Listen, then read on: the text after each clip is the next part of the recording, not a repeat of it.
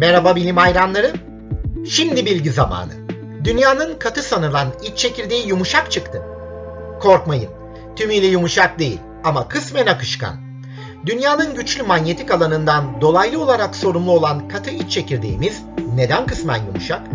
Peki bunun gezegenimizin manyetik alanının ters dönmesiyle, depremlerle, kıtaların kaymasıyla ve Hawaii gibi kalkan adalarının oluşumuyla ne ilgisi var? Hepsini bu yayında göreceğiz. Öncelikle dünyamızın iki çekirdeği var. Sıvı dış çekirdek ve katı iç çekirdek. Dış çekirdek dünyanın ters yönünde gezegenden biraz yavaş dönüyor. Katı çekirdek de gezegenle aynı yönde ve biraz hızlı dönüyor. Dünyayı güneş rüzgarı ve kozmik ışınlardan koruyan güçlü manyetik alan dış çekirdeğin marifeti. Ama bunda son 1 milyar yılda ortaya çıkan ve özellikle 500 milyon yıl önce iyice katılaşan iç çekirdeğin rolünü de inkar edemeyiz. 1 milyar yıl önce dünyanın manyetik alanı zayıflamaya başlamıştı. Ancak katı çekirdek ortaya çıkınca dış ve iç çekirdeğin sürtünmesi manyetik alanı güçlendirdi. Hatta eskisinden daha güçlü kıldı ki işte bu sayede canlılar kalıcı olarak karaya çıkabildiler. Karasal bitkiler ve hayvanların devri başladı. Bu sadece güneşin mor ötesi ışınlarını kesen ozon tabakası yüzünden olmadı. Detaylı bilgi için de blogda dünyanın çekirdeği dünyadan 4 milyar yıl genç yazısını okuyup yer kabuğundaki radyoaktif elementlerin yaşama nasıl izin verdiği videosunu izleyebilirsiniz ki linkleri açıklamalarda.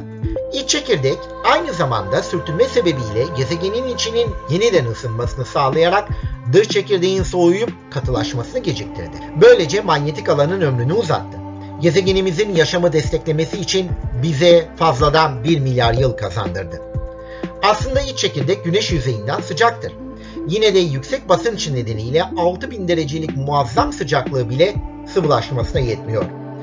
Dış çekirdek 4500-5500 derecelik sıcaklığıyla daha soğuk.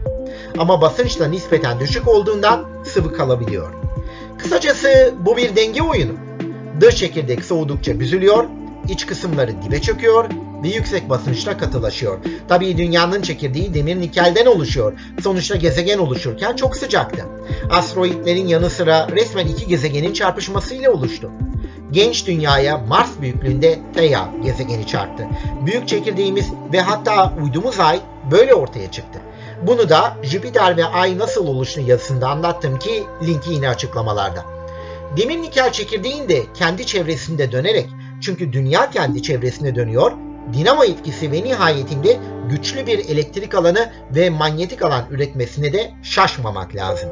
Yine de dünyanın nasıl hassas bir dengede olduğunu anlıyoruz. Katı çekirdeğin şekli, sıcaklığı ve hatta ne kadar katı olduğu manyetik alanla çok ilgili. Nitekim dünyanın alt manto tabakasının dış çekirdeğe bakan yüzü kısmen erimiştir. Bu sebeple alt mantonun alt yüzünde zirvesi aşağıya bakan 40 kilometre yüksekliğinde, evet 40 kilometre yüksekliğinde ters dağlar vardır. Dante'nin ilahi komedyasının Cehennem kitabındaki hayal gücünü bile aşan bu olguyu da blogda okuyabilirsiniz. Ancak bilim insanlarını katı iç çekirdeğin dış yüzeyinin yani dış çekirdeğe bakan yüzünün kısmen erimiş olduğunu bulmaya iten önemli faktörler var. Dünyanın derinliklerinde Asya kıtası büyüklüğünde dev magma kabarcıkları bulunuyor. Bunlar daha çok kıtaların kaymasıyla yer altına batan eski okyanus tabanından oluşuyor. Oysa son araştırmalar bu kabarcıkların kısmen çekirdek dinamiklerinden kaynaklandığına da işaret ediyor. Ayrıca dünyada depremlerin de iki ana kaynağı vardır arkadaşlar. Biz Türkiye'de fay hatlarının kırılmasından kaynaklanan depremlere alışığız. Oysa bir de çekirdekten yüzeye çıkan sıcak maddeler var. Bunlar sıcak olduğundan genleşir, genleşince hafifler ve yer kabuğuna magma kabarcıkları halinde yükselir. Nitekim magma haznelerinin önemli bir kısmını bu magma sorguçları oluşturur. Bu sıcak noktaların üstünde ise yanardağlar püskürür. Bunlar da depremlere yol açar. Hawaii adaları bu şekilde oluşmuştur. Bunlara kalkan adaları deriz. Üstelik kıtalar kaydığı için adaların magma haznesiyle bağlantısı bir gün kesilecek. Volkanlar püskürmez olacak. Hawaii adaları 60 ila 80 milyon yıl içinde dalgaların kemirmesiyle aşınacak ve sonunda küçüle küçüle su altında kalarak denize batıp kaybolacak. Şimdi bütün bunlara dünyanın manyetik kuzey kutbunun hızla güneye kaydığını ekleyin.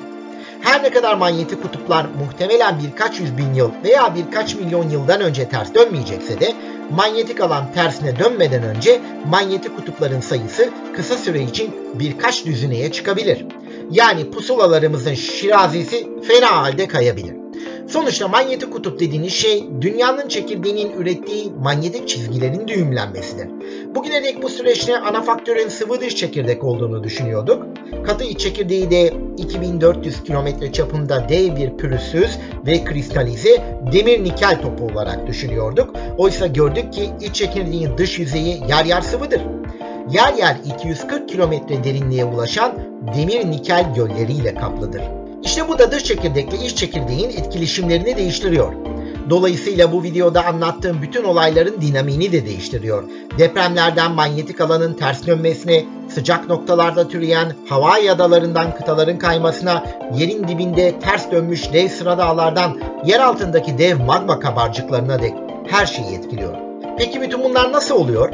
Dünyanın iç çekirdeği neden kısmen yumuşak? Hawaii Üniversitesi araştırmacıları 2440 kilometre çapındaki iç çekirdeğin ilk 240 kilometresinin yani %10'luk kısmının yer yer sıvı olduğunu buldular. Bunun için depremlerin yol açtığı sismik dalgalardan yararlandılar. Dünyada deprem olduğu zaman sismik dalgalar yayılır.